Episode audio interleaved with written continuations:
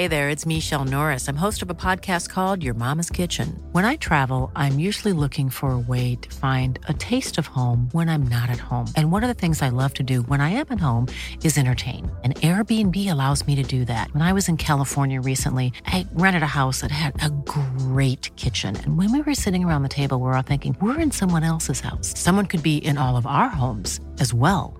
If you have a home, but you're not always at home, you have an Airbnb. Your home might be worth more than you think. Find out how much at airbnb.com/slash host. When you're ready to pop the question, the last thing you want to do is second guess the ring. At Bluenile.com, you can design a one of a kind ring with the ease and convenience of shopping online. Choose your diamond and setting. When you find the one, you'll get it delivered right to your door. Go to Bluenile.com and use promo code LISTEN to get $50 off your purchase of $500 or more. That's code LISTEN at Bluenile.com for $50 off your purchase.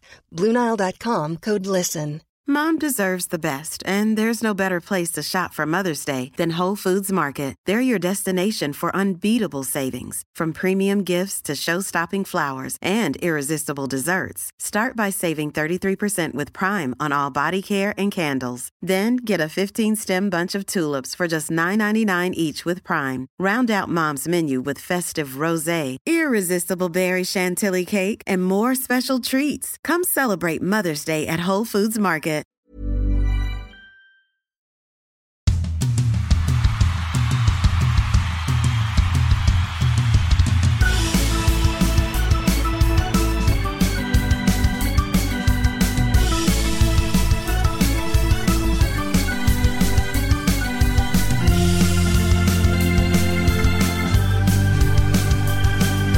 Välkomna ska ni vara. Jävlar vad högt det var. Lite mer energi den här veckan. Minns ni inte att det var, det var ju dålig energi förra veckan? Du får ju välkommen till ringside! har du tagit över Daggen? Fullständig hybris nu. Nu har du börjat eh, går förbundet fort. ta ut, Det går eh, fort. Trupp, börjat ta ut trupper i, till landslagen. Nu börjar du ta över här som programledare också. Rätt vad det är här ska du börja peta Tobbe Karlsson och Stefan Klemens som kommentator också snart. Ja, eh, nog om det. Eh, vi eh, kommer ju från en eh, händelserik vecka. Eh, vi går mot eh, snart uppehåll faktiskt. Det är lite uppehåll nästa vecka inför julen, och även om några lag spelar hockey nästa vecka. Men jag tänker att vi kan börja där vi var i fredags, eh, Daggen. Eh, Fredrik var ju nere i Ängelholm, men jag misstänker att han kanske hade på tv-apparaten och såg det vi såg mellan Björklöven och Västerås, för det var ju en Eh, en jä- alltså för mig, jag vet att eh, Fredrik nu som tränare tycker att det är lite mycket misstag och lite svängigt och sådär, men för mig är det optimala matchen. Det är grinigt, det är några domslut som det snackas om, det är mycket mål, det är två hattrick-skyttar, det är lapp på lucka, ja, det var det inte riktigt, men det var drag i salongen liksom. Jag tycker att det var kul. Ja, för en spelare så var det en dröm också, och för att, när man står mellan båsen och får känna den här pulsen när det drar igång. Men det är ju, om man ska kolla ur tränarperspektiv då Fredrik, så är det ju två lag som blandar och ger. Det var ju verkligen noll defensiv, full fart framåt. Tycker ändå att på något sätt, jag förstår vad Björklöven vill göra i början, skapa lite kaos med Västerås gå fram, men jag tycker att de på något sätt går fram alldeles för hårt, och där Västerås spelar smart under stunder, där de chippar ut, går på dem, tar de chanserna som ges. Men sen så, åter och återigen så bjuder det här Västerås in Björklöven i matchen, dels med att ta disciplin, disciplinära eh, problemet som de har med att ta utvisningar, oavsett om man som Pannanen säger att det inte är utvisningar, så är man fortfarande där och gör saker, och det skapar ju en oreda i det här Västerås, och som hela tiden, och då kommer det också, grips lite panik i spelet, man tappar den här pressen som jag tyckte hade börjat, man spelar enkelt, man sätter sig i, i liksom problem hela tiden, och det här är ju något som har haft problem dels förra året och fortsätter i år, och sen ser jag också i Västerås, jag känner igen mig i det, jag har varit med i Karlskoga när vi hade det här problemet en säsong när vi gick dåligt, och jag ser spelare, när det börjar gå emot, hur man börjar, istället för att ta det lugnt, man börjar skrika, man börjar titta på andra, man slår, man visar frustration i spelet, man tappar huvudena. Och där har vi ett stort problem i Västerås, där jag tror att pressen spelar in väldigt mycket, och med att det har hänt så mycket med Pananen runt omkring, det är inte den här lugna, harmoniska föreningen som man ser. Så det är eh, mycket anmärkningsvärt hur man bjuder in Björklöven i den här matchen, för jag tycker under stunder spelar de ju riktigt, riktigt bra. Jag tycker ju inte att det är någon bra hockeymatch. Mycket Observera nu att jag kliver inte in som, som någon tråkig, utan man måste skilja på så det finns kul hockeymatcher, underhållande, det var den tveklöst. Ja. Jag satt på ett hotellrum i Ängelholm och såg på den och till och med släpa med mig telefon ner och kolla när jag åt. Eh, så det råder inga tvivel om, men om jag ska värdera bra så eh, är det där två lag som pratar om att gå till SHL. Då blottar man sig lite för mycket. Jag tycker att det, jag menar 6-6, siffrorna i sig eh, talar ju sitt tydliga språk. Så att jag, jag, jag tänker att jag måste kunna se det ur det perspektivet. Sen må det vara underhållande att se massa mål och det kan vara fräckt att de busar och slår varandra med klubbor och de beter sig lite som rövhattar emellanåt. Men det är inte bra. Det är ingenting som Modo sitter och tittar på och tänker att det där skrämmer mig inför ett slutspel eller Djurgården. Så det tror jag jag måste vara tydlig med. Nej, det, det håller jag ju såklart med om, att det, det, det defensiven fanns ju inte, existerade inte. Men jag tror, jag tror att om man kollar på Björklövens spel i matchen, så imponeras jag av Björklöven på ett sätt, men det är mycket som jag ställer mig frågan till också. Det här spelet som jag är van med när Björklöven kommer nerifrån, att man spelar situationer. Jag tycker på något sätt att man, man lämnar bort problemen nerifrån, man saknar en skicklighet på backsidan, där man gör kontrollerade utgångar, och får också en flow i spel som blir helt annorlunda. Där, där tappar de. Sen har de ju en offensiv spets som är enorm, som avgör de här matcherna med Pooley, Kilki och alla som liksom bidrar till det här. Där vinner de i matchen såklart, men det finns ju mycket frågor om Björklöven också som inte imponerar. det som jag slås av är ju att de har ju, de har ju de här egenskaperna för att skapa besvärligheter för motståndarna för att de är lite irrationella, de har farten, de har kreativiteten, de har tveklöst förmågan att göra mål. Eh, och det här är ju slutspelsspets jag ser. Men det finns också något totalt konto som man måste se till och det är klart att mot bättre motstånd än vad Västerås är för tillfället så kommer du bli hårdare straffad. Då äter du inte fatt 0, 3, 1, 4 och 4, 6. Så enkelt är det. Så att jag tror inte att vare sig eh, Stråle och hans kollegor eller Pananen och hans kollegor tycker att Alltså den där matchen är svåranalyserad. Du ser väldigt ljusa sidor, absolut. Och låt mig säga så här med Västerås så tyckte jag att på sättet de genomförde många delar av matchen så var det för mig ett fall framåt. Jag kanske fabulerar nu men det kändes som att de har korrigerats lite grann eller landat lite grann i sin situation och då åker man och möter Björklöven så måste man vara lite slugare. Men jag tycker å andra sidan att det var Björklöven som var lite naiva i sitt sätt att spela på från start som gav det här. Ja, vi, pra vi pratade med Stråle innan också, han säger också att de ska skapa kaos, de ska spela in i Västerås kaos. Och det gör, jag tycker att de gör det på något sätt, att de, jag tror att de tänker att Västerås hade ett dåligt självförtroende, man skulle gå ut och ta kommandot. Där tyckte jag Västerås var väldigt smarta i hur de spelar, men sen är det ju Ja, Västerås har, det, jag- det jag gillar med Västerås, det var dels anfallsspelet, de hade ett rörligt anfallsspel, där man liksom har en platsväxling hela tiden, och i deras powerplay som såg väldigt bra.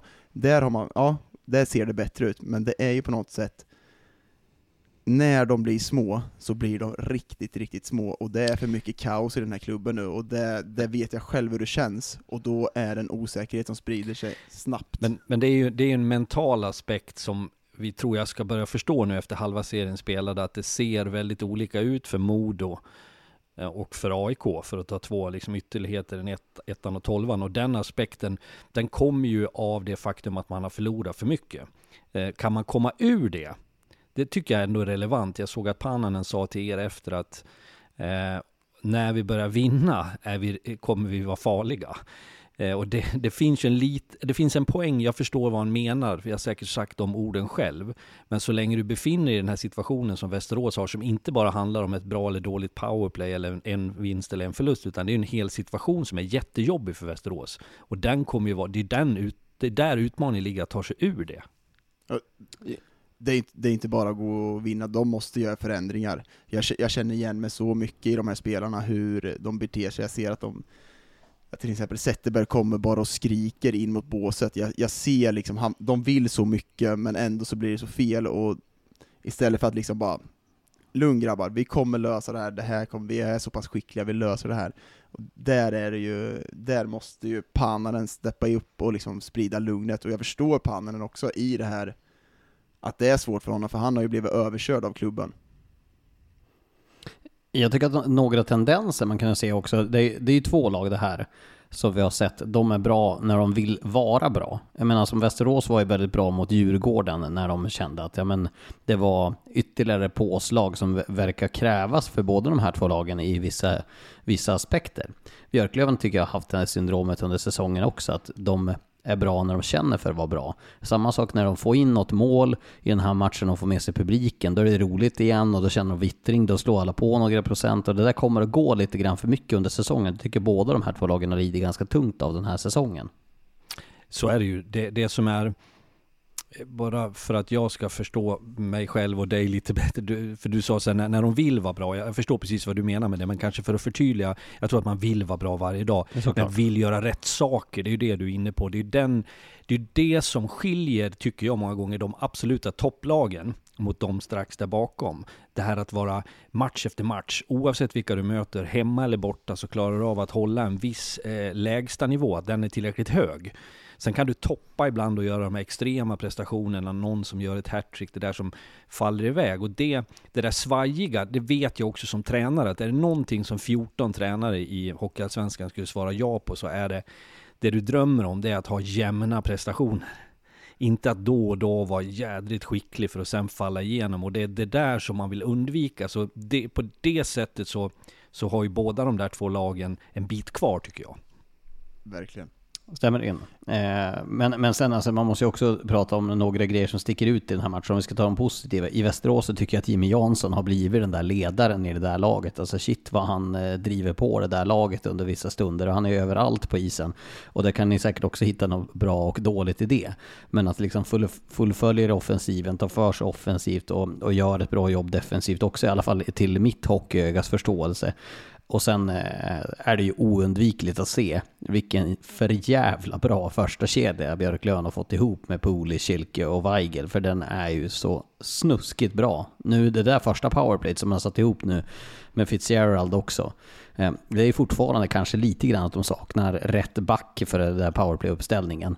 Men eh, det ser ju löjligt vasst ut. Ja, det är inte direkt så att man de, gill, de har ju kul, om man säger så. Det, man, man ser ju en glädje i hockeyn på den första sidan. Sen tycker jag faktiskt att Västerås powerplay stack ut i den här matchen. Jag tycker att Jansson och Gunnarsson var otroligt bra.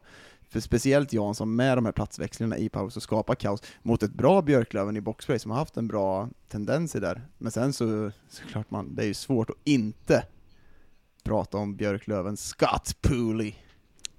Får jag bara fråga, ni använder begreppet ska, skapa kaos. Sa Stråle så?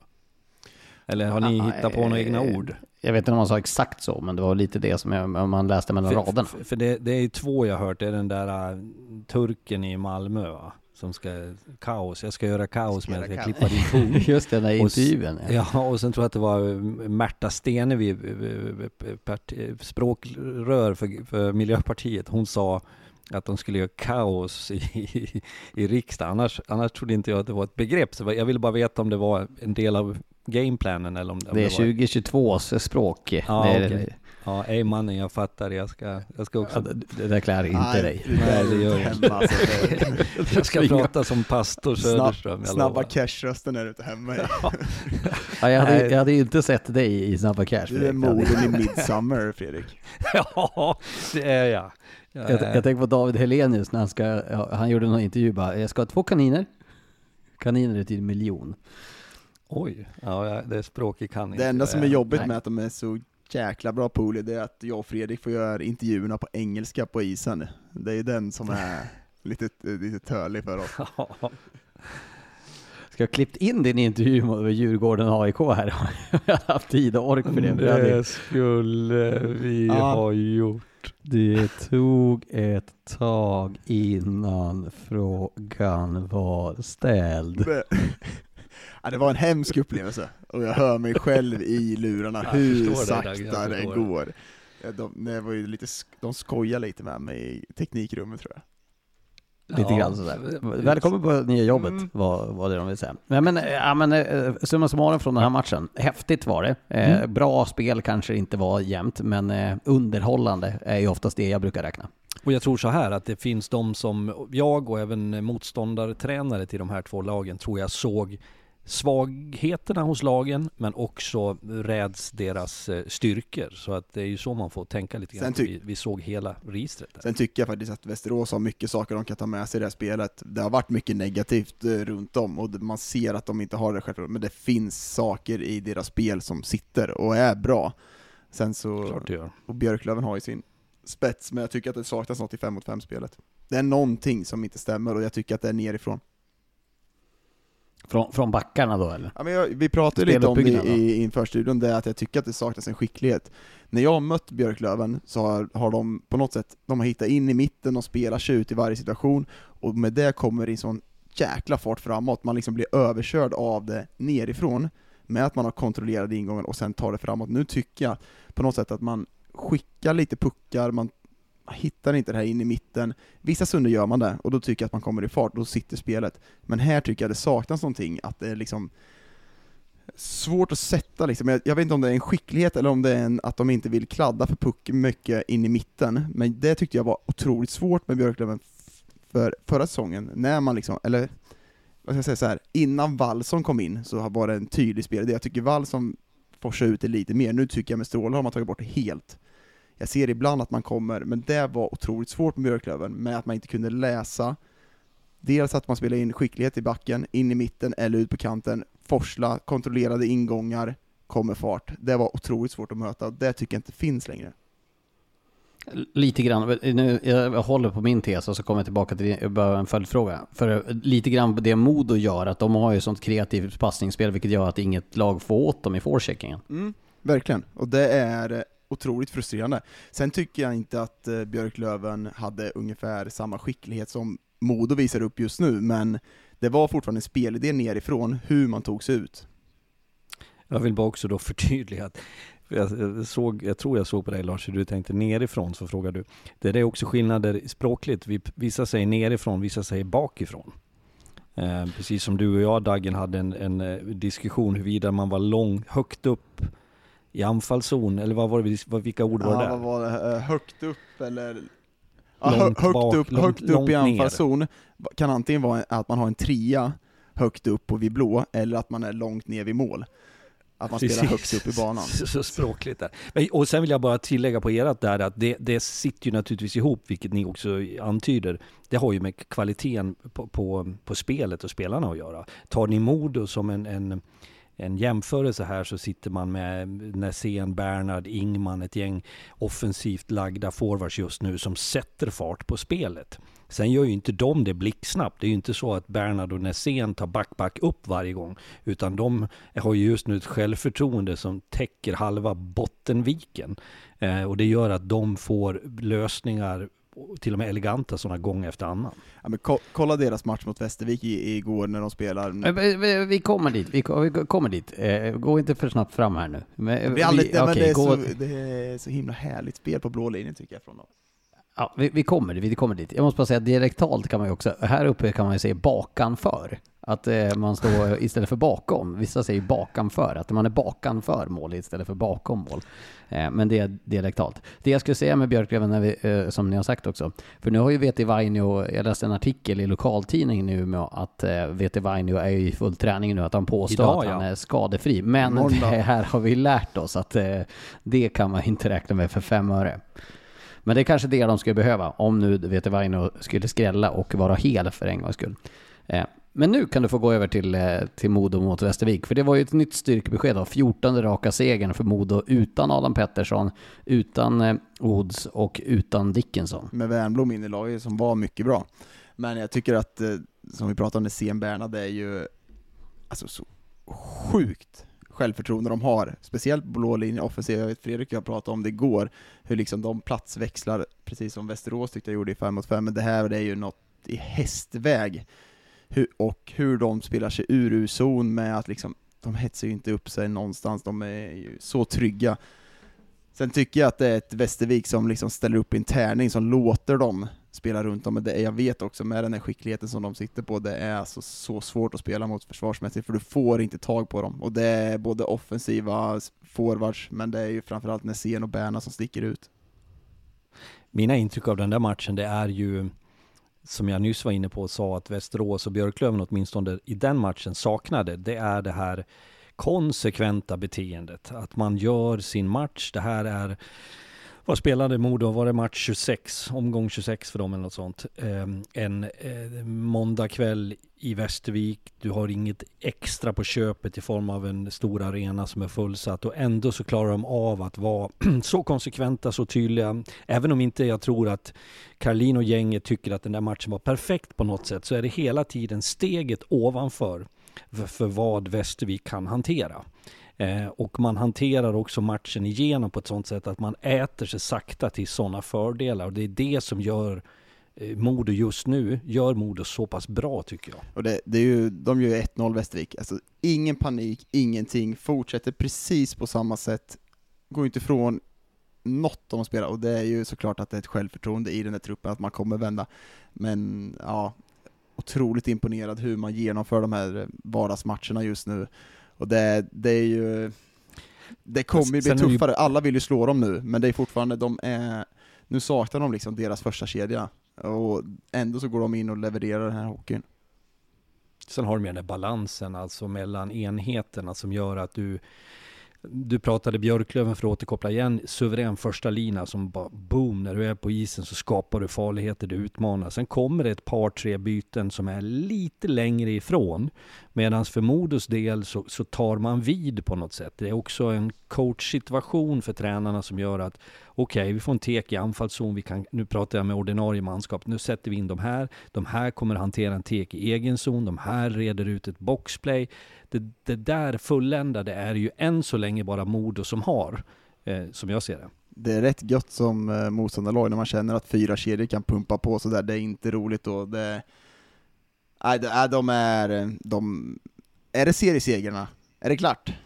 Ja, det tror jag. Boom. Det tror jag definitivt. Fredrik kommer inte... En smärre Ja, men det måste jag väl säga. Sen tycker jag ju rent, jag vill ju inte att det ska vara givet i mitten av december såklart, för jag tycker inte att det är bra för ligan, men det ser onekligen väldigt bra ut. Låt mig också kort bara säga om Västervik, att jag tycker att, du säger det lite grann Dagen, de, jag tycker de har, de, har, de tolererar att vara ett sämre lag.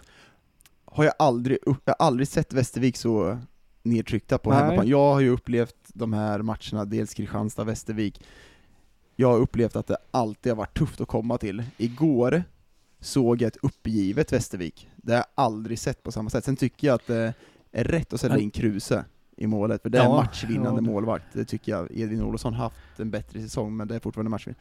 Men det är fortfarande ja. ett uppgivet Västervik och det har jag aldrig upplevt. Och sen, sen, tycker jag att de här ledande spelarna där, Brickley Vela till exempel, så, så vilket jag har sett en längre tid, det har ju vi diskuterat också, att offensivt så är ju de, alltså jag ser ju Brickley, de har alltså Cody Curran-drag eh, i sitt sätt att röra sig på i spelet med puck. Men defensivt, och tittar du på mål de är inne på, så finns det små varningstecken där. Eh, där man kanske inte prioriterar att göra defensiven och det är ju farligt för Västervik.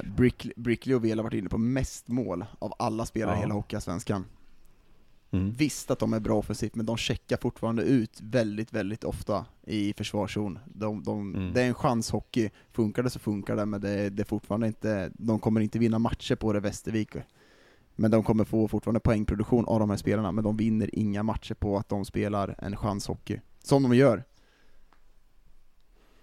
Jag tänkte bara, det kan vara intressant att flika in här. Vet ni vad Modo har kvar innan jul? Som sista match innan det att de ska gå på juluppehåll. Eh, det känns ju som en sån där, i, eh, i, eh, i, i amerikansk fotboll snackar man om trap game. Alltså matcher som är givna att man ska vinna, men som man mycket väl kan förlora just med tanke på inställningsfrågor och sånt. Hemma mot Tingsryd och dessutom då Fredrik Glader, gamla sportchefen, som kommer dit för att eh, försöka bryta den där trenden. Det är ju en sån klassisk match som ett sånt lag med 14 raka segrar skulle kunna förlora. Vi hade ju, jag, så, jag vet inte om ni har sett den här listan på lag som har de här segersviterna. Karlskoga är mm. ett av dem som ligger på samma som Modo just nu. Vi hade ju en segersvit, jag vet inte vilken sång det var, men eh, våra sista matcher, jag kommer ihåg sista, näst sista när vi vann det, då var det Asplöven borta vann med 7-6. Någonting så här. Så, men det, det, det jag upplever, då hade vi kanske en liten mätthet. Vi liksom vann, det, liksom, det slappades lite på att man inte gjorde jobbet. Det ser jag inte i Modo.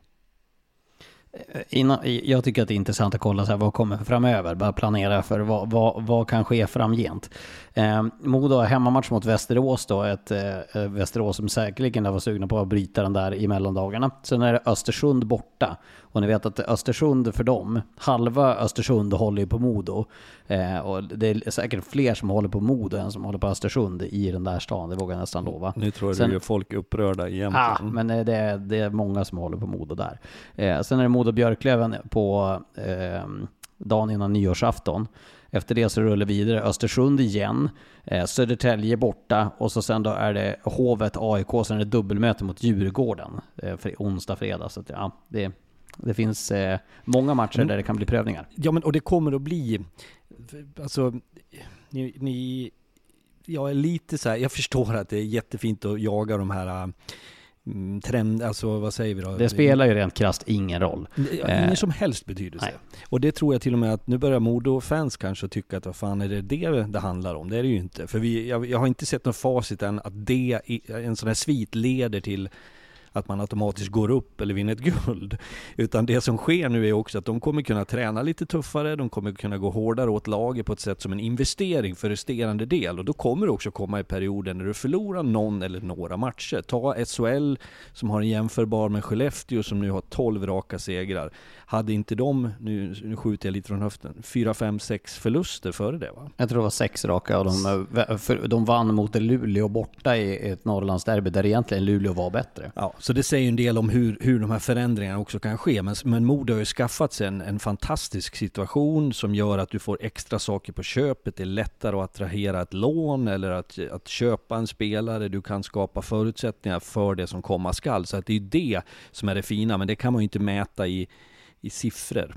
Vi, vi, det, vi efter, eh, det vi försöker göra är att summera liksom den här segern mot Västervik och sätta det i ett perspektiv. Men det som är noterbart med den här matchen, visst, okej, okay, Lukas Wernbloom kommer in i laget, men förutom Bernhard och Nässén så har ju Modo borta sina tre bästa forwards från hösten. Det tycker jag att man kan säga ganska tydligt med Dickinson, Woods och Adam Pettersson. De tre har varit bäst ja, framåt, jag, jag, tycker jag, tycker fortfarande att det är kollektivet som har stuckit ut. Sen har de haft Dickinson och de här som varit grymma.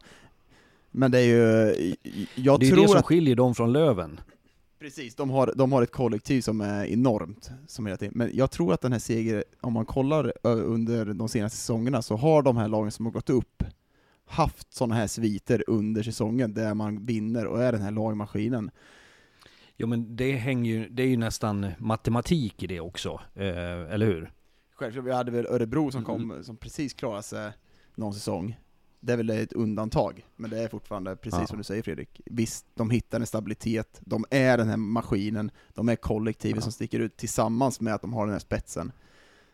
Men det som jag tycker också i hela diskussionen om vi pratar toppen för en kortis, inte bara ett första platsen utan fem, sex, sju, åtta lag då säger vi, så är ju det att om Modo nu Kommer Modo kunna bli ännu bättre? Ja, men det kan de ju säkert. Men de är ju också det lag som har lyckats skapa den högsta nivån och hållit den länge. Sen är det ju ett gäng utmanande lag som jag inte räknar bort. Jag räknar inte bort Djurgården, Björklöven, Södertälje, Mora.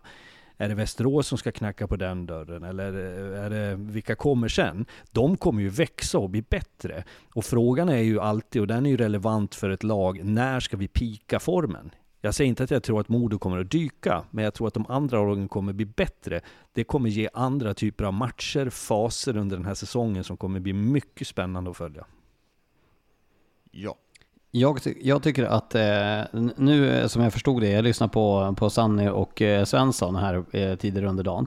Eh, och jag tycker att eh, Johan Svensson var ju rätt eh, tydlig med det där. Han har ju bra insyn i Malmö också som, eh, som ju ligger väldigt, väldigt, väldigt pyrt till i SHL för att säga det snällt eh, det känns ju som att det är otroligt eh, höga odds på att Modo ska få använda Lukas Wernbloom i mer än två matcher. Och framförallt att få behålla med honom hela säsongen. Lukas Wernbloom är ju för Ron Örnsköldsvik, de som inte vet det. Eh, och det är ju en kille som tar plats i omklädningsrummet som kräver en ganska stor roll och framförallt tar en ganska stor plats i en grupp som jag har förstått det. Men det är ju kanske också typ exakt den spelaren Modo saknar. Ja, jag tyckte han var sjukt bra mot Västerås också, eller mot eh, Västervik också. Men jag tror att det är en väldigt, eh, i den här segersviten och hur Modo är, så är man väldigt toleranta för hur man tar in en spelare också. Det är en helt annan sak att ta in en spelare när man är den här segersviten. Och jag tror på något sätt, ja han tar mycket plats, men jag tror att han har växt upp också, och har varit, sen han var i Modo senast, så tror jag att han har en, en mognad vid sidan av isen också, som jag har ändå fiskat upp lite, så jag tror att det skulle passa jäkligt bra om han stannar kvar. Och det får man väl säga, Hinken har ju levererat på en tunn marknad. Men nu tror vi ju inte att han ska vara kvar, och inte det Nej, som det är tror jag poängen inte. här. Men jag- det tror jag inte. Men, men det hade varit sjukt intressant om man skulle vara det. Sen ska vi säga också, sen senast Lukas Wernbloom var i Modo så är det typ ingen kvar därifrån. Exakt. Men jag tror, jag tror fortfarande att eh, det beror på vad, vad Eh, Malmö tar in senare sen också. De har ju fortfarande kvar det här att man kan ta in honom. Det är ju, jag tycker att det är smart. Sen har ju Modo gått ut att man ska värva. Så de bränner ju lite lån, det tror jag inte är fel. För, framförallt när man förlorar den här spetsen i Woods och dem, när de är lite skadade. Så jag, jag tycker att det är bra sportchefsjobb av Hinken här. Får jag bara flika in, här kan ju Fredrik zona ut oss som inte gillar att snacka om sånt här, men jag och där kan gilla att spek spekulera. Men eh, jag tänker, alltså nu Lukas Wernbloom, han vill ju säkert spela i en andra kedja. Men kolla nu, nu, för er som inte ser nu, nu lutar Fredrik sig bak i fåtöljen, sätter armar bakåt, fäller bak huvudet, rullar bak ögonen i bakhuvudet och eh, kan mest troligt somna lite grann också. Eh, nej men det är klart, det vore jäkligt intressant att se Lukas Wernbloom i en tredje formation med Daniel Manberg och Adam Pettersson. Alternativt se honom med Erik Ginesjö Karlsson och Theodor Niederbach i en andra formation. Mm, om de får ha kvar Niederbach också, såklart. Men jag tycker på något sätt att det, Men det tror jag att de kommer att få, för han- som, jag, som jag har förstått det, är, det lånet är väl resten av säsongen och jag har väldigt svårt att se att Rögle ska ta tillbaka Mm. honom. För att det, det tror jag också är skrivet så att det ska mycket till att han ska gå och åka tillbaka. Men Sen hör man ju på intervjuer med Wernbloom, han, han tycker ju om att spela hockey, han vill ju spela den här frejdiga hockeyn, det kommer han inte få göra i Malmö. Han får inte den rollen som han vill ha. Och det, jag tror att han och agenter kommer trycka på att han ska tillbaka, men det är inte de som äger frågan tyvärr. Tack och lov, inte i hans fall, men tack och lov. Vänta, vänta nu så jag hinner leta lite på Elite Prospect här, så ska vi se vilka Hur vi kan vore världen om agenterna och spelarna bestämde? Ja, det, det är sant. Kul att se att du är tillbaka Fredrik. Ja, Eh, jag vaknade till där precis när jag hörde. Ja. Vi har ju glömt bort nästan, alltså man glömmer ju nästan bort att Aug- August Berg, säger man August eller August förresten? August. August, August. Eh, August Berg, att han, eh, han är också skadad snart tillbaka i spel och det är ju ändå, jag menar den SHL-back i fjol. Ja, det säger lite om Modos situation. Ja, att de vinner 14 raka med Wood skadad, Dickinson skadad, Adam Pettersson borta, Berg skadad. Ja, eh, med det så tycker jag att vi sätter punkt där. Eh, ska vi gå vidare till eh, det som händer just nu, parallellt med att vi eh, sitter och spelar in det här. Det har blivit en liten tradition att vi spelar in tisdag kväll med matcher pågående. För Djurgården har vänt 0-1 till ledning 2-1 mot Vita Hästen och vann i stort också i fredags mot Östersund tack vare ett mål efter 12 sekunder av Marcus Kryger. Ja men den här matchen är ju lite så mm, intressant såklart för att Djurgården har ju påbörjat sin resa till att eh, bli bättre och förändra lite spel. Vita Hästen kommer på besök eh, och då får man kanske inte 2-1 målet här. Det är Ore som är ute och fladdrar bakom mål. Eh, så det vart ju en, en vändning där. Men eh, det säger vi väl bara för att beröra hästen kort. Jag vet inte hur djupa vi har varit kring dem. Det, det, det blir ju lite... Vi har pratat ganska lite om hästen. Ja, jag har gjort det, men jag, jag kan tycka att de, jag tror vi sa senast, vilket vi kan upprepa, att de har ju på något sätt hittat ett sätt att vinna väldigt viktiga matcher mot bottenkollegor, om vi får klassa dem för det då, i tabellen. Och det är ju en, en sån egenskap som ibland gör att man slinker undan ett kval och man klarar av att hålla i det resten av säsongen. Ja, jag, jag, jag, Ja. jag gillar den här lurigheten, sen det är mycket, de har haft mycket skador nu på slutet, men jag tycker att det är ett lurigt lag, men de har ju tio raka på bortaplan, de har ju verkligen inte hittat det spelet. Får, får vi bara säga, vilka lag, kan vi klargöra det så, har vi, så släpper vi, vilka lag har alla med? Vi Ja, pratar- typ ingen. Vi pratar så mycket, igen, vi- gör det, jag gör också det, men vi pratar så mycket om de här som inte är med. Men visst fasiken ser det lika illa ut på många ställen. Djurgården Ja, det är några lag som är lite mindre drabbade faktiskt om man ska vara helt ärlig. Eh, alltså eh, Södertälje är inte jättehårt drabbade av skador om man ska vara, varit krass. va? Det De går har varit faser. men Faser. Ja, eh, egentligen har de faktiskt klarat sig rätt bra Södertälje om man ska vara rent krass. Men, Eh, eh, de har ju skepp, skeppat iväg lite folk och de hade borta Norrbe där i ett gäng matcher men annars har de faktiskt klarat sig ganska bra. Ja, men det, det finns en skicklighet i Vita Hästen, vi var inne på det innan säsongen, att de är, de är ett lurigt lag och har ett bra lag på pappret. Sen så självklart så har de kanske inte topparna som de andra lag sitter och de har ju ändå gått från att vara den här säsongen riktigt, riktigt illa ute till att vända på lite på skutan nu och hittat ett spel. De är, de är verkligen ett lurigt lag. Kolla mot dem, dels idag där de liksom vänder spelet bra och liksom, de har kreativa spelare framåt, så det är ett lag och liksom, som man inte bara kan skölja bort. Jag var tvungen att dubbelkolla det där när du sa 10 raka förluster på bortaplan. Det stämmer, de är 10 raka förluster på bortaplan, vunnit 6 raka hemma. Så man vet ju att de vill spela i Himmelstalundshallen. Och ändå är de mycket bättre än AIK Hockey på bortaplan. Ja, som är sämst är i de. ligan. De tar ju inga poäng på bortaplan i princip och har ju fortfarande ingen trepoängare på bortais, vilket är ju skrämmande när vi firar jul om 10-11 Det, dagar. det är ju för att, eh, Himmelstalund hade, jag vet inte om eh, världens bästa speaker. Jo, pratar- världens bästa lag va? Mm. Han som skriker. Hästen, hästen, hästen, hästen! When you're ready to pop the question, the last thing you want to do is second guess the ring. At Bluenile.com, you can design a one of a kind ring with the ease and convenience of shopping online. Choose your diamond and setting. When you find the one, you'll get it delivered right to your door. Go to Bluenile.com and use promo code LISTEN to get $50 off your purchase of $500 or more. That's code LISTEN at Bluenile.com for $50 off your purchase. Bluenile.com code LISTEN. Hey there, it's Michelle Norris. I'm host of a podcast called Your Mama's Kitchen. When I travel, I'm usually looking for a way to find a taste of home when I'm not at home. And one of the things I love to do when I am at home is entertain. And Airbnb allows me to do that. When I was in California recently, I rented a house that had a great kitchen. And when we were sitting around the table, we we're all thinking, we're in someone else's house. Someone could be in all of our homes as well. If you have a home, but you're not always at home, you have an Airbnb. Your home might be worth more than you think. Find out how much at airbnb.com/slash host.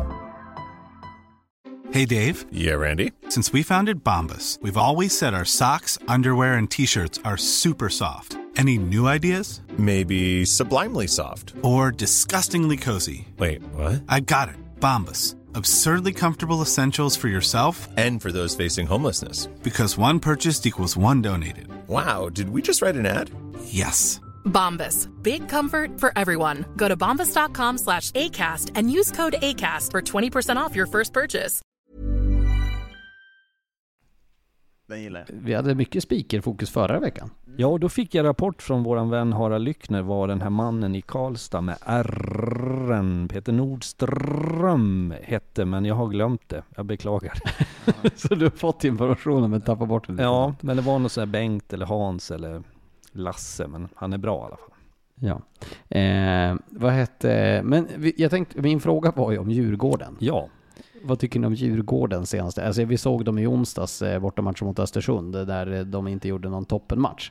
nej. Eh, men de vann ju tydligt hemma och Ja. eh, ser ut att vinna idag. Eh, ja, ja, och då ska jag bara kort eh, säga att jag är mer nyfiken med all respekt för hästen ikväll. Eh, så, så är jag mer, jag börjar komma till den punkt att jag blir lite kräsen på att ställa de här förväntade topplagens prestationer ska vara mot andra förväntade topplag. Och det är, Östersund är inte ett förväntat topplag. Jag ber om ursäkt till Anderberg som var, jätte, var sur med, med, med värme, så jag skrattar åt det, på att vi inte tror på dem eller tippar på dem. Och inte heller Vita Hästen. Så att det, det är svårt att säga så mycket än.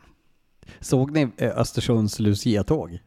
Nej. Det är ju bland det roligaste jag sett. De hade spelat in på träningen, eh, matchen. Det laget som förlorade fick köra ett Lucia-tåg efter eh, rödlinjen med vattenflaskorna. Anderberg ledde och Bobo Pettersson och. Kalle Johansson var med i det där också. Det, Det säger ju lite om faktiskt harmonin i truppen också. Ja. det exakt, det var lite det som var min poäng. Jag tror Jo, men inte är att Västerås lägger upp det just nu på sina sociala medier direkt. Men Det är verkligen Men ett, ett harmoni i Östersund.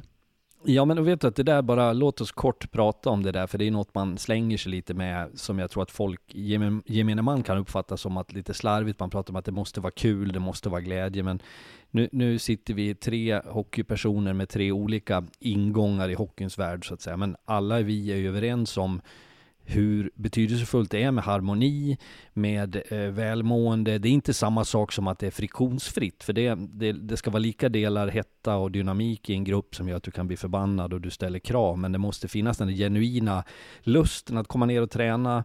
Du kan förlora matcher men ändå bibehålla jag har själv gjort den resan som tränare. Jag, jag, tror jag hade, jag är en usel förlorare, så jag hade en förmåga tyvärr att lite för ofta släpa med förluster. Jag kunde vara besviken och ledsen och arg och dum i dagar efter en förlust, vilket påverkade gruppen. Sen lärde jag mig med åren att man måste kunna släppa det där så att man hittar rätt balans. Men jag tror att det jag ser när vi står där vi står och där vi följer lagen på det här sättet, det är de lag som mår bra presterar också avsevärt bättre.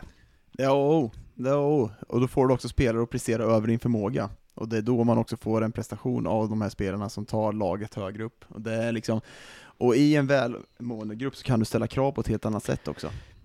Men det är också bara för att förtydliga att det behöver inte vara så. Om vi tar några av de här lagen som är indragna ner till nu så kan det vara att de har en fantastisk harmoni. Bara att man inte är tillräckligt bra. Så att inte vi räknar Modo springer runt och kramas och är lyckliga hela dagarna. Och Västervik de gråter sig till sömns. Så tror jag inte att det är. Nej, det tror inte jag heller. Men, eh, men, men, om du ställer spelarna så kan du ju se, om du tar av dem tröjorna och så sen döljer du bara visa ögonen, då kan du se vilka som spelar i ett förlorande lag och vilka som inte, vilka spelar i ett vinnande lag. Visst är det så. Men sen kan det också det där försämras, vilket vi ser exempel på, om det är strul, ekonomiskt strul, till exempel Almtuna har väl en ansträngd situation. Nu fick ju de en ny klubbdirektör som kanske får fart på grejerna. Eh, det kan vara som var presschef i, i Brynäs innan. Det var ja. en annorlunda väg att, eh, alltså jag har ingen som helst aning vad kompetensmässigt, men, men det där var en annorlunda väg att vandra hockeymässigt. Jag tänker hur många pressmeddelanden som kommer skickas varje dag nu från kontoret. det, det, borde ju relativt vara så att Almtuna borde vara tillgängliga för media i alla fall. Och, jag ska inte säga vad jag tänkte nu. Eh, men eh, ja, det, det var noterbart. Men ska vi gå in på Djurgården lite då? Och vad... jag, jag har försökt ja. i en halvtimme, men det händer ju ingenting. jag, ty jag, tycker ändå på något sätt att Djurgården ser bättre ut. Men... Alla siffror, vi, vi, jag och Fredrik gjorde en genomgång idag, alla siffror ser bättre ut, de har ett uppåtgående spel på något sätt, lite innan Fagervall. Men kan du, kan du värdera det nu då? Om jag är lite så här äh, motvallskärring här. Både och Jag förstår vad du menar, men ja. är det på, du tänker med tanke på motståndet som har varit senaste veckan? Ja, men att, att det, vi kan, jag ska låta Dagen komma till punkt på det vi pratade om förut idag Dagen, absolut. Men jag bara säger med en viss reservation att det har gått en ganska kort tid, för jag tänker att du Lars syftar på Garpenlöv har klivit in. Jag är inte inne vi... på det. Nej, det är inte okay. det jag tycker. Jag tycker att det såg lite bättre ut i slutet när Fagervall var också. Men det är fortfarande anmärkningsvärt att jag tycker att den här självbilden Djurgården har inte stämmer överens hur de spelar. Att på något sätt att de, de köper inte att lida i matcher, de köper att de ska vara det spelande laget och jag tycker ni tog upp en bra punkt i, i Östersund där man liksom tar hem pucken hela tiden, man är långsamma ner och det säger en del om att man inte är redo för vad vissa bortamatcher och lagen i den här serien spelar och hur, hur duktiga de är och hur bra lagen är och spelarna också. Jag tror på något sätt att inte Djurgården och spelarna var redo för hur bra den här ligan ska Sen så tycker jag att de börjar komma in i det spelmässigt bättre faktiskt. Men, men jag såg en rubrik idag, jag har, ett, jag har många problem säkert i livet, men ett är att jag ser en rubrik men jag, jag läser inte artikeln. Det, du är barn av vår tid. Ja okej, okay, ja för att skapa min egen världsbild. Men då såg jag att KG Stoppel hade sagt att han ville ta död på myten om att Tobias Persson äh, bestämde hur Djurgården skulle spela och direkt tänkte jag, har, har, vi sagt, har jag sagt så kanske? Eller har någon av oss sagt det? Eller vad... eh, vi, hade, vi hade frågetecken om det, men, men ah, okay. eh, sen har vi ju förstått att så är det absolut inte fallet. Han nej, har ju ingenting nej, med det sportsliga att göra. Men och, och att det stod också i, heter det ingressen då? Du som är ja. journalist, ja, ja. Så, för dit hann jag också att det var ju huvudtränaren hade då ett stort ansvar i det. Så att jag tänker ju Eh, Eh, min, min, min djupare värdering av Djurgården kommer komma eftersom vi har sagt också en tid att vi måste låta Garpenlöv skruva på vissa saker och, och, med sitt ledarskap förändra det som jag tror att man vill åt. Nu, eh, just i detta nu en minut spelad av period tre så ställer man till det på precis samma sätt som vi pratade om. Men det Eh, är från eh, back-back, eh, alltså att ja. lösa sig ur egen Ja, zon man med... vänder hem och nu är vita, fast, vita fasten, vita hästen fast i, eller har kommit ner i offensiv zon. Så att det, det där, för mig, jag tänker att mm, nu har det varit Östersund gånger två, vita hästen, vad hade de mer under, under Garpenlöv? Tingsryd hemma. Tingsryd och Mora. Fast Ja. Mora var inte i Garpen här, Nej. Garpen var inte med på den. Så att fyra matcher har man väl spelat då och då är det mot lag som man ska slå nästintill med förbundna ögon med det här laget man har om jag är skarp. Verkligen, Nej, jag, det är, jag håller med. Och jag tycker fortfarande att det, som, vi, som ni var inne på, dels och som vi ser nu i den här matchen, det är för många gånger man, det går för långsamt alltså. Jag tror, ja, nu tar man in Niklas Danielsson, det, det är inte direkt så att det kommer gå snabbare där ute, och jag tror att man har ett problem i att det går lite för långsamt nerifrån, och att man inte hittar de här vägarna, och att man liksom hela tiden söker blad, köper inte att det ska gå enkelt i spelet. Jag tror ju att Djurgården har varit, jag, jag låt mig säga så här, jag har ingen anledning att misstro Djurgårdens förberedelser, tankesätt i hur man har värvat, hur man har gått in i den här säsongen. Men låt oss titta 10-20 år tillbaka på lag som har trillat ur, så tror jag att vi alla kan slänga upp exempel. Jag som kommer från Leksand vet ju hur Leksand under eh, perioder inte hade en, en sund världsbild eller självbild. Man förstod inte riktigt hur svårt det kunde vara. Det kände jag lite grann i Östersund, att när jag stod och tittade in i båset så, så kändes det ibland som att det fanns spelare och ledare som tänkte, men vad, vad, vad, vad är det här? Östersund? Här- och ni smäller på oss och ni kör över oss, ni smäller vid båsdörren, det får man väl inte göra? De såg nästan förvånade ut. Och jag tror att en, en avgörande faktor för att vara fullt förberedd och förstående för vad som väntar, det är att landa i det faktum att vi är här nu. Vi kan inte fundera på vad vi ska göra om vi kommer till SHL. Vi kan inte fundera på vad vi ska göra i ett slutspel. Vi, vi måste vara här och nu. Sa du ordet lida, Lars? Eller, Ja, men jag tycker inte de kan lida i matcher. Ja, men då får du förklara vad lida Ja, men är. på något För sätt- det är ju för folk något annat. Ja, men på något sätt tycker jag att, att, man, att man nöjer sig med att spela enkelt på bortaplan, till exempel spela försvarsspel länge, ligga i, ligga i försvarsspel, att kanske ligga i en klunga för att liksom döda deras anfallsspel och ta död på liksom deras entusiasm på hemmaplan, för man vill komma ut på hemmaplan på ett helt annat sätt när man spelar borta till exempel. Man kanske inte kan vara förande i spelet Nej. på alla matcher, Men- speciellt inte men- Östersund hem, borta, för det kommer komma folk överallt. De har Nej. Och Men det, vi lever ju i en, i en tid också hockeymässigt där det är väldigt mycket prat om att driva matchen, att vara framåtlutade, att äga spelet, att skapa möjligheter. Den hockeyn har ju slagit igenom rejält de senaste, är det fem åren, sju åren? Eh, något Men kan det vara så här då, om jag ställer en fråga till er. Kan det Mm. vara så att Djurgården, att, eh, att folk runt omkring och fans inte köper att Djurgården eh, s- står och försvarar sig bortom mot Så är det. Östersund? Så är det så tror verkligen. jag att det är. Och precis samma har AIK problem med att det är Mm. mycket inverkan. Sen så tror inte jag de här spelarna, jag, jag, helt allvarligt, inget ont om Klasen, men jag tror inte han åker till Östersund och tänker att nu ska jag spela försvarsspel i 50 minuter, sen chippar vi in och så gör vi 1-0, gör en grym match. Det hade HV förra året, att alla köpte den spelplanen. Jag tyckte ändå att det var liksom ryggraden på något sätt, att man hade en, att man Men- kunde lida, och det Ja. gör Modo också i de här Ja, matcherna. De lider på ett helt annat sätt. Sen tror jag att det är så här delvis att det är inte en hockeyspelare gör det den känner för om inget annat sägs. Det är ett mänskligt beteende. Så det här tror jag att är en, en fråga om hur du i en klubb preparera dig för en sån här utmaning. Jag säger som ett exempel på det, förra säsongen, Tommy Samuelsson, som jag har väldigt stor respekt för genom en fin karriär som spelare och eh, minst lika bra som tränare. Men så hann jag säkert tänka, i likhet med någon annan, jag vet att jag hade en hockeyvän som sa till mig när han signade för Hovet, Tommy Samuelsson, finns det inget roligare? En 60-plussare, har inte han gjort sitt? Är inte han lite trött? Men det stora som imponerade på mig på hon, eh, vad gällde honom förra säsongen, det var hans notoriska eh, sätt att Piska. ligga på spelarna i 52 omgångar för att sen fortsätta genom ett slutspel utan undantag. Eh, Här måste jag bara först- förstärka för att vi, vi såg ju eh, HV71 väldigt mycket och du mötte dem också Daggen förvisso förra säsongen. Men, det som var noterbart är att jag skulle säga att de tog in Tobias Termell eh, av en anledning. För de insåg att Ska vi orka piska på de här så länge under säsongen? För de, eh, Tommy blåste ju av träningar liksom eh, tisdag när det såg lite slappt ut. Var det Västervik borta, timeout efter sju minuter, nu ser det för jävligt ut. Direkt någon kom in från båset, du åkte inte hela vägen. Minns jag att Törngren drog på sig en utvisning hemma mot AIK där i början på oktober eller någonting. Och för att han tjafsade mot domaren och vägrade åka och säga förlåt till domaren eller någonting trots att Mm, domaren påkallade exakt. det. Tommy Samuelsson rev av han som Mm, ett jävla plåster och, och slängde det i soptunnan. Och, eh, han Och- tummar aldrig på det. Och Nej, det och här- har inte jag sett från Nej. Djurgården.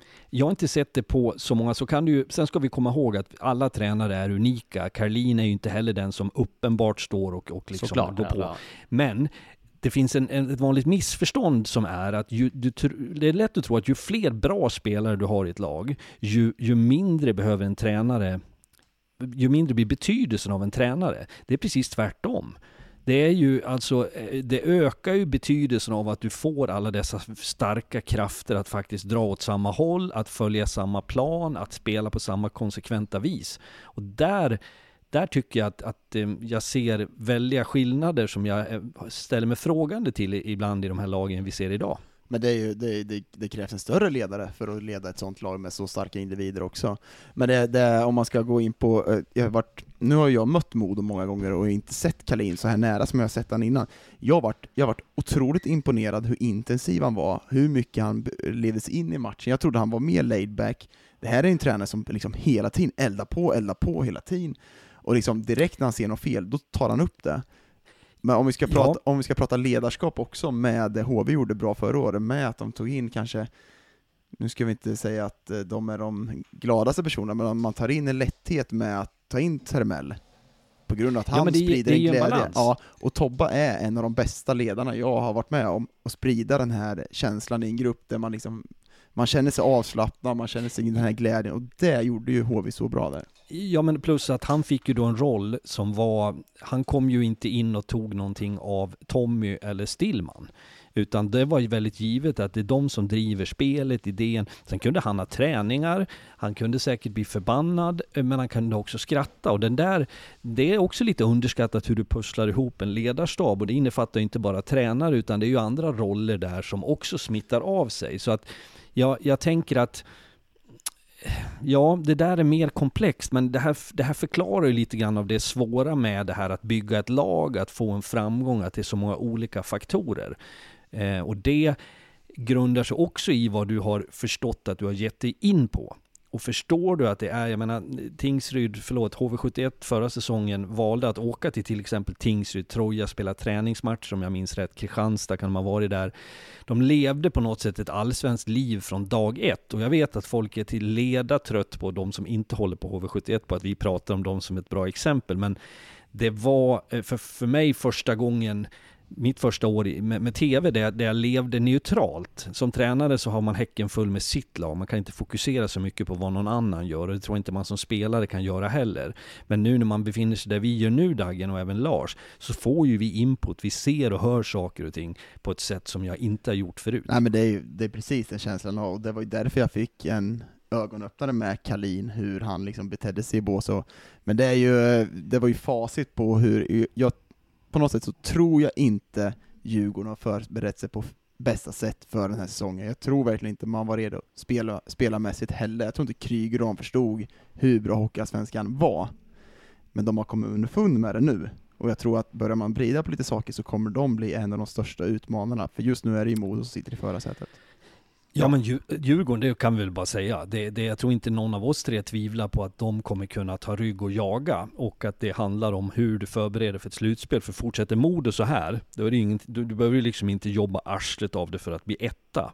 Då blir det ju desto viktigare att bli tvåa. Jag skulle säga att det redan nu är kört. Det, det som är, det är väl kanske att du vill komma två eller trea för att slippa ha Modo i en semifinal. Å andra sidan kanske det är enklare att ha dem i en semifinal än i en final. Vem, vem Ja, men vet det? Nej, för det, det det kan vi så- bara som dra som ett vi kan ju dra som ett exempel från förra året vad som faktiskt hände. Och det var ju att, att det som vi spekulerade i tidigt Här, och som blev här har du valen. en poäng, för jag vet vad du ska Ja, säga. valen och så såg ju vi steg för steg hur det resulterade i, vi som följde den matchserien, det var ju då jag flyttade till Umeå, höll knappt på att flytta därifrån. Vi följde Björklöven-Modo som, Och jag tror jag uttryckte någonting att när två lejon slåss så är det ett som är svårt skadat och det andra är dött. Och det var vad som hände. Trots det lyckades Björklöven i finalserien pressa HV71 till sex matcher.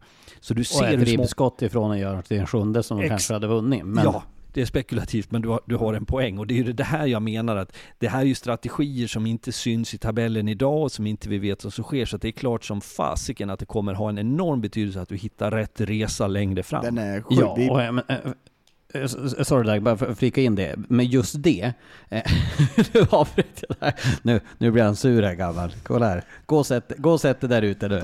Kyl av dig lite grann. Du, Daggen, eh, har du råd med att podda kvar nu? Jag menar, det är ju elsolläge 3-4 här. Det måste väl vara riktigt Norrland är väl ännu nu. dyrare nu va? Nej, vi har ju gratis el i princip. Du har eget Så kärnkraftverk att, hemma. så att det var 33 kronor kilowattimmen i Frankrike. Det, vi kan snacka om att vi har dyra elpriser även i Frankrike. Men vad kostar det att spela in en, en podd då? Ja, det, kan det kosta? Det vill vi inte veta. Det, det, kan, det kan bli jävla dyrt där. Eh, nej men bara, alltså det är ju såklart, det kommer ju att få en ruggig faktor. Eh, Karlskoga, det var ju dessutom eh, Karlskoga som mötte eh, HV71 i den där semifinalen. Och det var ju ett ganska skadeskjutet Karlskoga som mötte dem dessutom. Vilket gjorde att de orkade inte nöta på det där, trots att de gjorde några bra matcher i Jönköping. Men det är klart som tusan att Modos förhoppning är ju att Djurgården och Björklöven ska Mm. stånga arslet Men av de där, varandra redan de där semin. positionerna är så viktiga, speciellt när du kan välja. Du kan liksom göra, och, och komma tvåa.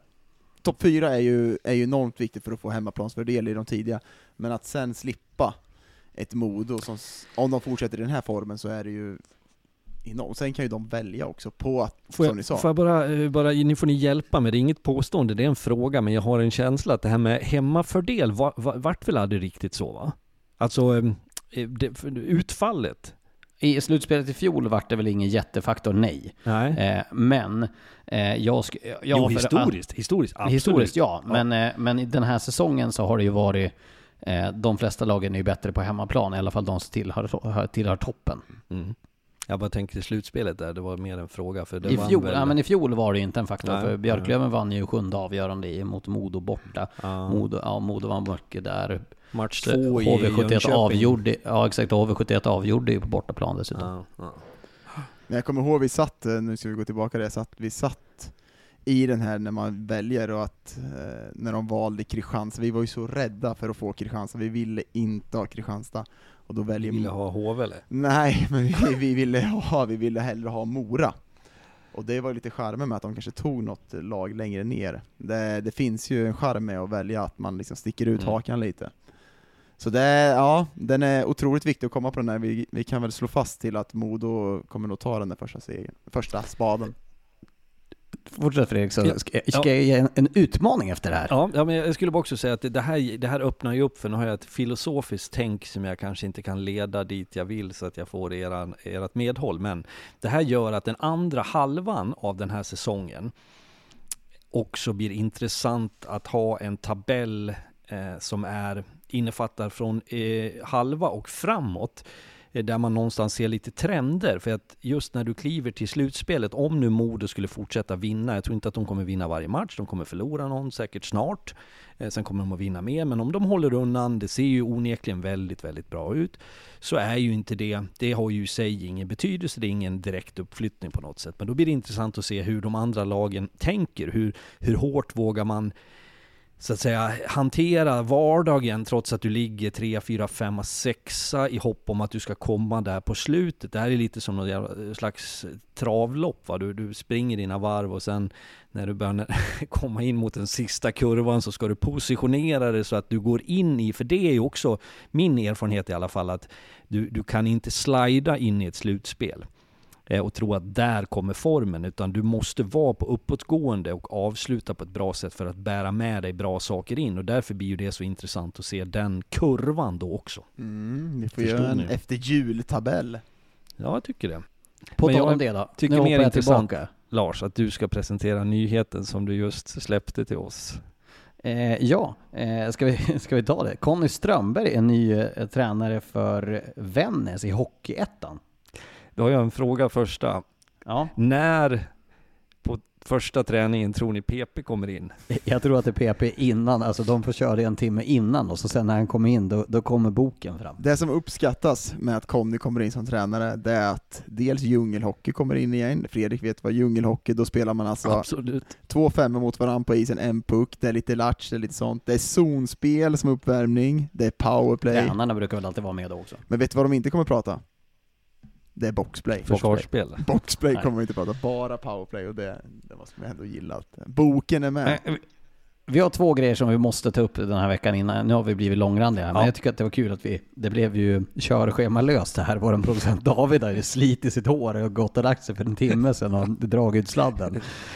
Eh, Tur Men, att inte han lyssnar på oss. ja det, det är nog bra. Niklas Danielsson till eh, eh, Djurgården. Du nämnde det i förbifarten, eh, Daggen, men vad tänker vi om det?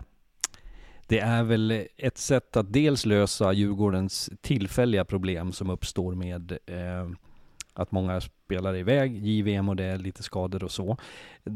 Det, det är ju säsongen ut väl, som kontraktet är skrivet. Så har jag förstått det, ja. Eh, och det råder väl inga tvivel om hans historia, var han står idag och vad han kan bidra med framåt har jag fortfarande ett frågetecken kring. Men det säger också en del om hur marknaden ser ut. Det säger det verkligen, men sen så, jag, jag tror att det, det finns ändå en uppsida i Danielsson. Eh, sen som jag säger, jag tror inte det kommer gå snabbare för honom heller, han börjar bli till åren också, så men det är såklart att han kan trycka dit pucken och stå i ett, eh, i ett powerplay med Klasen som levererar, men då är ju frågan för, ska de ta bort Lissi från det där powerplayet? Det kommer ju bli en... Kan man ha båda i frågan? Bredvid varandra här, så osäkert vem de ska, som ska skjuta, så du tänker. Nej men Nej, det är ju det- är fortfarande, det är fortfarande en bra spelare, men det, det säger ju en del om hur marknaden är, för jag tror inte att de hade tagit någon om marknaden hade sett annorlunda ut. De Nej, vet vad de 38 år får också. Det vet de. Eh, nästa nyförvärv då, Aaron Luchak, som ju värvas in från, eh, från eh, alpligorna höll jag på att säga, från Österrike är det va? Mm, jag har ju en kontakt Från där nere. IE, ICEHL. Vad, vad har du fått för scoutingrapport? Nej men en t- bra tvåvägsspelare som är bra i powerplay, som kanske inte har den där riktiga, riktiga offensiven, har väl ungefär samma siffror som Dickinson haft i East Coast, men det, det är svårt att tyda, men det, det är fortfarande en två, eh, tvåvägscenter som kommer bidra i både powerplay och eh, defensivt offensivt, så det, jag, innan, innan, i, mina kontakter säger att det är en väldigt bra spelare. Sen får vi utse, äh, se om han kommer lyckas i Hockeyallsvenskan. Men han kommer in i ett Jag bra lag som är i god form, så det är ju... Mm. Ja, är de i god form? Ja, de har förlorat de två. Men det är fortfarande ett lag. Tvärs, över Kerstin idag, Söderström. Känner mig som... Vad sa de om Kerstin? Det är min Jag mamma. tycker faktiskt att Södertälje gör en väldigt bra match mot din Modo. Så de är i bra form, Fredrik. Ja, det är de. Eh, Södertälje är bra. Så mycket kan jag säga. Sen vad formen är får du stå för. Det jag ska bara säga med den här eh, eh, Transatlanten är ju att jag litar på Georgsson. Och då tänker ni, ja så gör du det? Det blev ju inte så bra med de här första. Nej, det blev inte det. Men över tid vet jag att Georgsson är synnerligen noggrann och det här var ju också någon som han har haft koll på under en tid så att jag tänker att han har tron på kapaciteten, han vet vad han tar in. Däremot vad utfallet blir är ju rent spekulativt och det har vi ju sett många som har bra siffror. Så siffrorna tror jag man ska akta sig i den kolumnen och titta. Ehm, däremot är det tror jag som du säger att han kommer ju in i ett Södertälje som i mångt och mycket mår ganska bra. Det blir lättare att acklimatisera sig. Han, han stötte ju på eh, den här killen när han scoutade Michael Kapla som ju gick till Västervik då, och sen vidare till Skellefteå och sen till Rögle. Eh, som ju för övrigt spelade backpar med Anderberg. Eh, som för övrigt inte kör folkrace, men det kan vi ta en annan podd. Eh, vilket jag blev besviken över att höra. Eh, men eh, så han har ju scoutat honom längre tillbaka i tiden. Men sen vet ju inte jag hur det fungerar om du har scoutat en person där, du stöter på honom. Jag tror inte det ligger liksom i bakhuvudet i tre års tid och så bara, ah nu, den tar vi. Nej, men när namnet kommer upp så tror jag han har tänkt på honom. Det är såklart. Men det är, vi, det är ju, jag tycker ju att Newell såg bra ut när han spelade också, så eh, på något sätt så Gersson har ju den här fingertoppskänslan. Sen pratar vi om att plånboken har blivit kanske lite stor, att man inte gör samma research, men nu, nu tror jag ändå att han har gjort det på något sätt. Eh, det ska bli intressant att se vad den här kan leverera. Jag tänker väl också att Georgsson i takt med tiden, det vart en helt annan situation för honom, landa i Södertälje, ett helt, eh, i stort sett ett nybygge för honom. Då kan det vara svårare tror jag att veta utfallet på Pasic där och Engsund i den situationen och Lang här och Ivarsson där. Nu har han varit väldigt nära laget, ser kanske också behovet, för det är ju det jag har själv sagt till er många gånger att det är svårt att värva under säsong. Det är ju för att utbudet är sämre. Däremot så är det ju mer, både som tränare och sportchef, initierad på vad du faktiskt behöver. För du ser ju i verkligheten vad det är vi brister någonstans. Är det i defensiven? Är det storlek? Är det farten? Och att då kan du liksom summera, det här är vad vi vill ha. Kan du då uppnå det så är naturligtvis det det optimala. Så därför har man ju förväntningar på det här. Nu börjar Daggens bild hacka här och då tror jag att eh, hans laddning på datorn, för han har inte råd att ladda den i eluttaget, så det börjar väl lägga av där i, i, i elzonsläge 4 eller vad det är. Jag ser att facklorna bakom också börjar brinna ut. Vad, mör, vad mörkt Vi det kör ju- Men du Fredrik, du, du har ju på ditt neonljus fortfarande. Ja visst fan, det är kanske dyrt med de här uh, Ambilight, eller vad heter det? Ambilight ja. Ambilight. Eh, men du, vad, vad ska vi hitta på nästa vecka då? Det, nästa vecka är det typ inga matcher. Ja, men nästa Då blir det ju vecka, en julpaketering tänker ja, och sen en liten uh, halvtidssummering från podden. Mm. Och julklappar från oss alla till er alla. Mm, kanske Ja. bjuder på lite rim också. Oh, mycket Det är jag svag för. Bygger Såg ni, såg min nöjdhet när jag hade måndag morgon när jag fick prata om den där, eh, japanska skidåkaren som heter I skida? Ja, Lars, jag har känt dig nu ett och ett halvt år och jobbar väldigt nära dig. Jag har aldrig sett dig så barnsligt lycklig som du var då. Du stod och studsade på tå. Var det, vad heter de programledarna som för övrigt är bra? Det, det, var, det var Anders och eh, nu måste jag tänka, det var Soraya. Soraya, de, eh, jag trodde de var beredda att kliva in och liksom hålla Nej förlåt, fast. förlåt, det var Sofia Geite, det var ju Johan det. fru och, och, Det var det. eh, och Anders Bilblad. Men de, de, jag såg hur de tittade på dig som att du var drogpåverkad eller någonting, för du var så ohyggligt uppspelt. Jag behöver inte se det, jag ser det framför mig redan nu så. Jag har känt dig i några månader Lars. Så. Det kan ju bara pågå också det här. Jag tänker att Ja, det är för jävla roligt ändå. Alltså, aptonymer är jag ju sjukt svag för. Eh, ah, ja. Nu- Ska vi sätta punkt nu? Nu, nu får det vara nog. Vi sätter punkt med, Men om vi ska prata efternamn, svårt min mamma hette Bang förut. Och gifte sig med en Eriksson. Tänk om jag hette Mikael Bang, då hade jag spelat NHL nu. Hur kan du inte heta Mikael Bang? Nej, tänk om det- du hade gift dig med Oliver Boom, då hade du Mikael Bang Boom. Och Patrik Westberg hade då eh, kört, vad är det han kör? Eh, pang, bom, swish, boom, bang.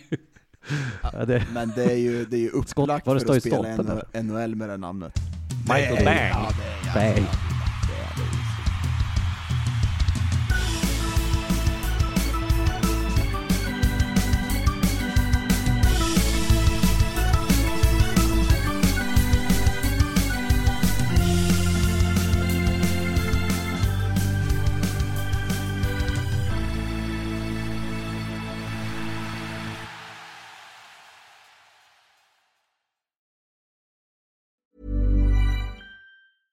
Mom deserves the best, and there's no better place to shop for Mother's Day than Whole Foods Market. They're your destination for unbeatable savings, from premium gifts to show-stopping flowers and irresistible desserts. Start by saving 33% with Prime on all body care and candles. Then get a 15-stem bunch of tulips for just $9.99 each with Prime. Round out Mom's menu with festive rosé, irresistible berry chantilly cake, and more special treats. Come celebrate Mother's Day at Whole Foods Market.